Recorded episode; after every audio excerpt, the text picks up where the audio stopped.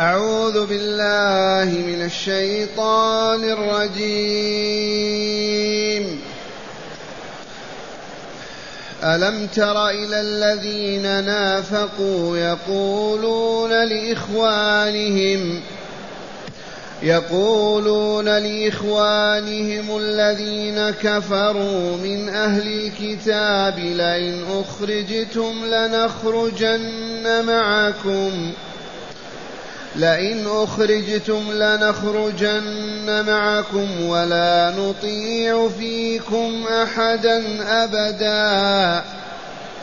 وإن قوتلتم لننصرنكم والله يشهد إنهم لكاذبون. لئن أخرجوا لا يخرجون معهم ولئن قوتلوا لا ينصرونهم ولئن نصروهم ليولن الأدبار ليولن الأدبار ثم لا ينصرون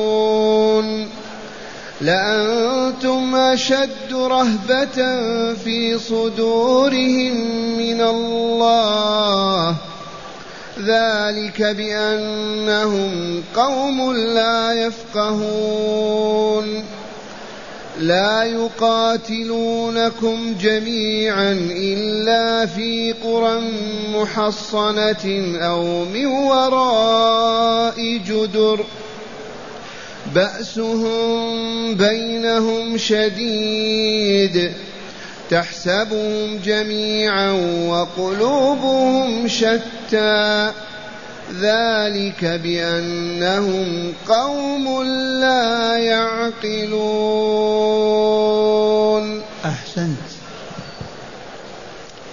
معاشر المستمعين والمستمعات من المؤمنين والمؤمنات قول ربنا جل ذكره ألم تر إلى الذين نافقوا؟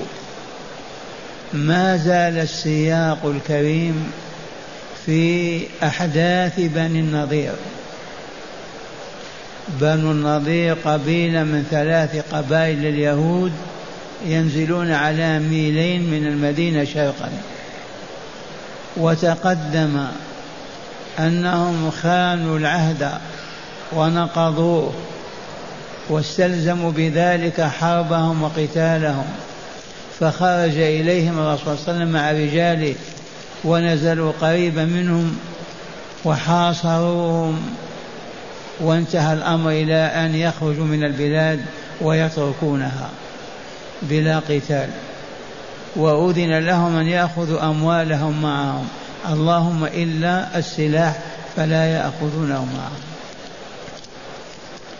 هؤلاء بنو النضير قال لهم المنافقون من العرب من أهل المدينة وعدوهم أنهم إذا قاتلهم الرسول يقاتلون معهم.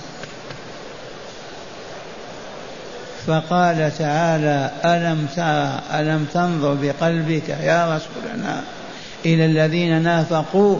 يقولون لإخوانهم الذين كفروا من الكتاب وهم بنو نظير اليهود. يقولون لهم ماذا؟ لئن أخرجتم لنخرجن معكم. فهل خرجوا معهم؟ بقوا في المدينة واليهود خرجوا. لكن في هذا في هذا الكلام تأديب لبني قريظة حتى يعرفوا موقفهم. لأن بني قريظة ما زالوا جاثمين في ديارهم جنوب المدينة. لئن خرجتم لنخرجن معكم هل خرجوا؟ والله ما خرجوا. لكن واعدوهم يبقوا على كفركم على ملتكم على دينكم. لا تسمعوا لهذا الرجل لا تستجيبوا له. ها نحن على عقيدتنا ودين آبائنا وأجدادنا ونحن معكم. هكذا كانوا يقولون لهم. لئن خشتم لنخرجن معكم. وإن قتلتم لنقتلن لننصرنكم. وهل لو قاتلوهم قاتلهم ونصروهم ما نصرهم. كلها دعاوى باطلة. يحملهم عليها النفاق وعداوة النبي صلى الله عليه وسلم والمؤمنين. وإن قلتم لننصرنكم قال تعالى والله يشهد يعلم إنهم لكاذبون. والله ما ينصرون. وبالفعل هل نصروهم لما حاصرهم الرسول نصف شهر كامل وهم يصرخون وراء جدرانهم هل فعلوا شيئا؟ كذبوا هذا كلام قالوه لليهود قبل أن يحاصرهم النبي صلى الله عليه وسلم. والله يشهد إنهم لكاذبون. لئن أخرجوا لا يخرجون معهم ولئن قتلوا لا ينصرونهم. ولئن نصروهم ليولون الأدبار ثم لا ينصرون. على فرض لو دخلوا المعركة معهم وقاتلوا ينهزمون. لأنهم منافقون. لا إيمان ولا وعي ولا بصيرة. كيف ينتصرون؟ ثم قال تعالى لأنتم أشد رهبة في قلوبهم في في قلوبهم في صدورهم من الله. ثم منعونا من هذا الضوء لا حول ولا قوة يقول تعالى وعزتي وجلالي لأنتم هذه لام القسم لأنتم أشد رهبة في قلوبهم في صدورهم من الله. نعم يحلف الله بهذا لأنهم ما يخافون الله لكفرهم وبعدهم عنه. يخافون العدو ولا يخافون ربنا الذي هو يسخر العدو ويحكم فيه. والعياذ بالله. لئن أخرجوا لا يخرجون معهم ولئن قوتلوا لا ينصرونهم ولئن نصروهم ليولون الأدبار ثم لا ينصرون. لأنتم أشد رهبة أيها المؤمنون في صدورهم من الله. حقا. المنافقون يرهبون الله ما عرفوا ما آمنوا به حتى يخافوا يرهبوه. لأنتم أشد رهبة يخافون القتال نعم والضرب والذبح والقتل لكن الله ما يخافونه لبعدهم عنه لعدم معرفتهم لعدم إيمانهم به وهذا شأن الكافرين في كل زمان ومكان. فيه من يكون الخوف من الله أعظم من خوف من كافر أو مقاتل؟ المؤمنون نعم. المؤمنون الصادقون في إيمانهم يخافون الله أكثر ما يخافون العدو. ولا قيمة لخوف العدو مع خوف الله تعالى. لأنتم أشد رهبة في صدور من الله ذلك بأنهم قوم لا يفقهون. هذا هو السر. هذه العلة هذه الحكمة. لو كانوا يفهمون ويعقلون ويفهمون لما كانوا يخافون الناس ولا يخافون رب الناس. يخافون المخلوقين ويتركون الخالق. ما يخافون فيعصونه. وهذا شأن من لا يعرف الله عز وجل. لو عرفوا الله ما وقفوا هذا الموقف. فهم يخافون العدو ولا يخافون الله عز وجل. وسبب ذلك وعلته أنه لا فقه لهم ولا فهم ولا علم ولا بصيرة. الجهل المركب. ذلك بأنهم قوم لا يفقهون. ثم قال تعالى أيضا لا يقاتلونكم جميعا إلا في قرى محصى أو من وراء جدور والآن اسمعوا يا بني قريظة. لا يقاتلونكم جميعا إلا في قرى محصنة بالأسوار والسلاح أو من وراء جدر أيضا ولا ما يقاتلونكم. وفي هذا تلويح كما قلت لبني قريظة حتى لا ينخدعوا لقول المنافقين ولا يعولوا عليهم. لأنهم وعدوهم أيضا كما وعدوا بني النضير أنهم معهم.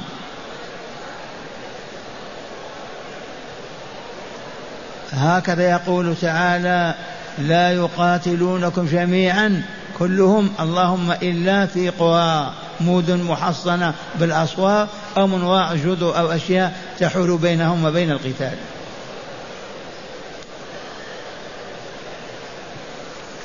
أو من وراء جدر بأسهم بينهم شديد. هذه حقيقة قررها الله تعالى. بأسهم بينهم شديد. القتال بينهم شديد والشدة والبغض العداء أعداء لبعضهم البعض. وهذه حقيقة. الكافرون الآن في كل مكان يكرهون الإسلام ويعادونه. أليس كذلك؟ ويظهر أنهم فيما بينهم متحابون متوادون. ووالله لا حب ولا تواد بينهم لأنهم كافرون مشركون. مرة ثانية الآية تشير إلى أن الكافرين في كل زمان ومكان يبغضون المسلمين ويعادونهم.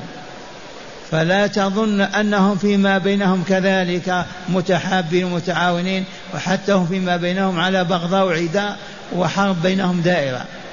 كما وقع في العالم. ألمانيا ما هزمتهم كلهم ثم ضربوها ودمروها وهزموها. لا يقاتلونكم جميعا إلا في قرى محصنة أو من وراء جدور بأسهم بينهم شديد. تحسبهم جميعا وقلوبهم شتى متفرقة ممزقة. من أخبر بهذا الخبر؟ الله عز وجل. فوالله كما أخبر تحسبهم جميعا وقلوبهم متفرقة. هكذا ينبغي أن نعرف حال الأعداء الكافرين. لا يقاتلونكم جميعا إلا في قرى محصنة أو من وراء جدر. هؤلاء المنافقون بأس بينهم شديد.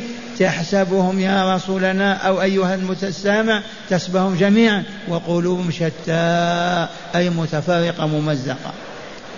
ما سبب ذلك؟ ما علة ذلك؟ ذلك بأنهم قوم لا يعقلون. لو كانوا يعقلون ما وقفوا هذه المواقف. يحاربون الله ورسوله والمؤمنين ويوالون الكافرين ويعلمون أن الكافرين لا خير فيهم ولا ينصرونهم ولا يقفون معهم. وهنا عندما قال تعالى لئن ألم تر الذين نافقوا أريد أن أذكر السامعين والسامعات بأن علامة النفاق أربعة. جاءت في الحديث الشريف. أولهم أول هذه العلامات إذا حدث كذب. إذا حدث المنافق والله يكذب. فلا تثق فيما يقول لك. ومن هنا المؤمن ولي الله لا يكذب. يحدثك الساعة والساعات لا يكذب فيها كذبة واحدة. ثانيا إذا واعد أخلف المنافق لمرضه لظلمة قلبه لما هو عليه من هبوط إذا واعد يخلف الوعد ولا يبالي. قد يتركوك تنتظره ساعة والساعات أو اليوم والليلة ولا يحضر. فعلى المؤمن أن لا يخلف ما يعد به فإن عجز يعلن عن عجزه وضعفه ما استطعت. سامحني اعفو عني وعدتك وما قدرت. أما يعد ويخلف فهذا ليس من صفات المؤمنين بل هو من صفات المنافقين. إذا واعد أخلف. ثالثا وإذا اؤتمن خان المنافق الذي كفر بالله ورسوله وآمن بالشيطان وأعوانه بالكافرين. هذا المنافق إذا إذا اؤتمن خان إن ائتمنت على ريال فقط يخونك فيه تأتمن على زوجتك وأولادك يخونك فيهم. تأتمن على سيارتك على بستانك يخونك. هذا طبعهم. إذا اؤتمن خان والعياذ بالله. رابعا وإذا خاصم فجر. المنافق إذا خاصم ما يعتدل ولا يمشي مع الحق ولا يقول الحق بل يفجر يكذب ويقول الباطل. أربع من كن فيه كان منافقا كاملا ومن كان في خصلة من الأربعة كانت في خصلة من النفاق. أولا إذا حدث كذب ثانيا إذا واعد أخلف. ثالثا إذا خاص إذا اؤتمن خان. رابعا إذا خاصم فجر. فمعشر المؤمنين والمؤمنات نربي أنفسنا على أن نكون من المنافقين. والمنافق من هو؟ الذي يظهر الإسلام بلسانه وببدنه يصلي مع المصلين وهو ويخرج حتى للجهاد معهم وهو لا يؤمن بالله ولا بلقائه وهو كافر بالله وتوحيده. كافر بالله ولقائه يوم القيامة. فنظر إلى الله من النفاق والمنافقين ونعمل على أن لا نتصف بصفة من صفاتهم أبدا طول الحياة. ومن أصيب بشيء من هذا فليتوب إلى الله وليستغفره وليرجع إلى الله ويمحو الله ما كتب عليه. مع هداية الآيات. بسم الله والحمد لله. والصلاة والسلام على خير خلق الله سيدنا ونبينا محمد وعلى آله وصحبه. من هداية هذه الآيات أولا تقرير حقيقة وهي أن الكفر ملة واحدة وأن الكافرين إخوان. من هداية هذه الآيات التي تدارسناها تقرير أن الكفر ملة واحدة. ثبات وأنهم الكافرون ملة واحدة وهم إخوان في باب الكفر. فلهذا لا يعول عليهم ولا يوثق فيهم ولا يؤتمن لهم. قررت الآيات هذه الآية هذه الحقيقة. الكفار ملتهم واحدة يهودي نصراني بوذي مجوسي كلهم كفار مهما كان اسم اللقب. ملة واحدة وهم كلهم أعداء لله ورسوله والمؤمنين في كل زمان ومكان. نعم. ثانيا خلف الوعد آية النفاق وعلاماته البارزة. ثالثا ثانيا من هداية الآيات خلف الوعد من النفاق. وعلامة من علامات المنافق وقد عرفتم أنها أربعة. بينها لنا رسولنا صلى الله عليه وسلم. أربع آيات أربع علامات. الواحدة علامة على النفاق. أربع صاحبه منافق كامل. والعياذ بالله. فلا نخلف وعدا أبدا. الآن المنافقون أخلفوا وعدهم لبني قريظة ولا لبني النضير أخلفوه. ما قاتلوا معهم ولا وقفوا معهم. وإذا أرادوا مع بني قريظة فكذلك. نعم. ثالثا الجبن والخوف صفة من صفات اليهود اللازمة لهم والتي لا تنفك عنهم. من هداية الآيات الخوف والجبن صفة من صفات اليهود. لازم لهم لا تفارقهم أبدا إلى يوم القيامة. والله العظيم. الجبن والخوف صفة من صفات اليهود في كل زمان ومكان. فلنحذر هذا فلنعرف هذا. ها هم ذا يقاتلوننا.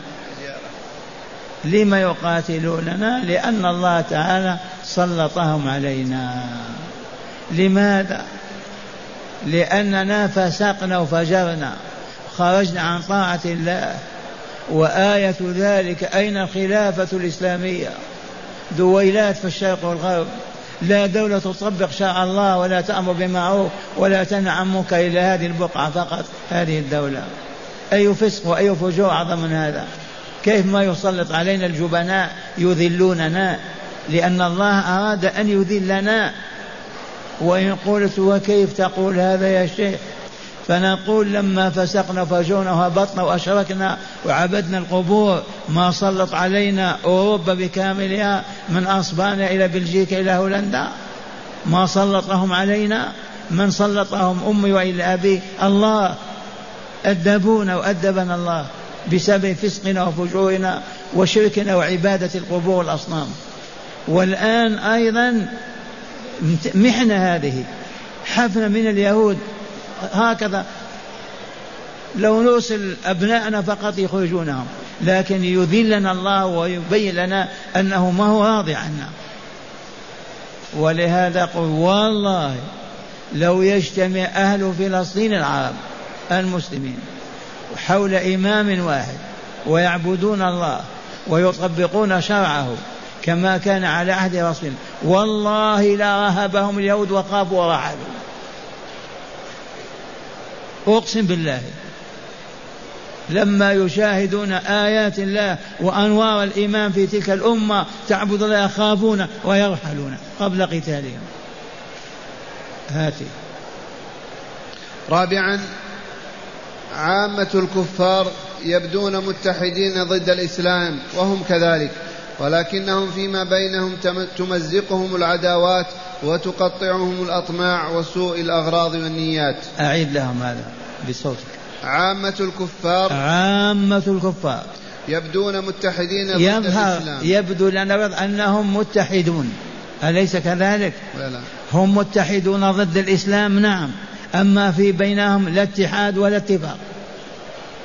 والواقع يشهد. نعم. قال عامة الكفار يبدون متحدين ضد الإسلام وهم كذلك ولكنهم فيما بينهم تمزقهم العداوات وتقطعهم الأطماع وسوء الأغراض والنيات أي نعم, نعم.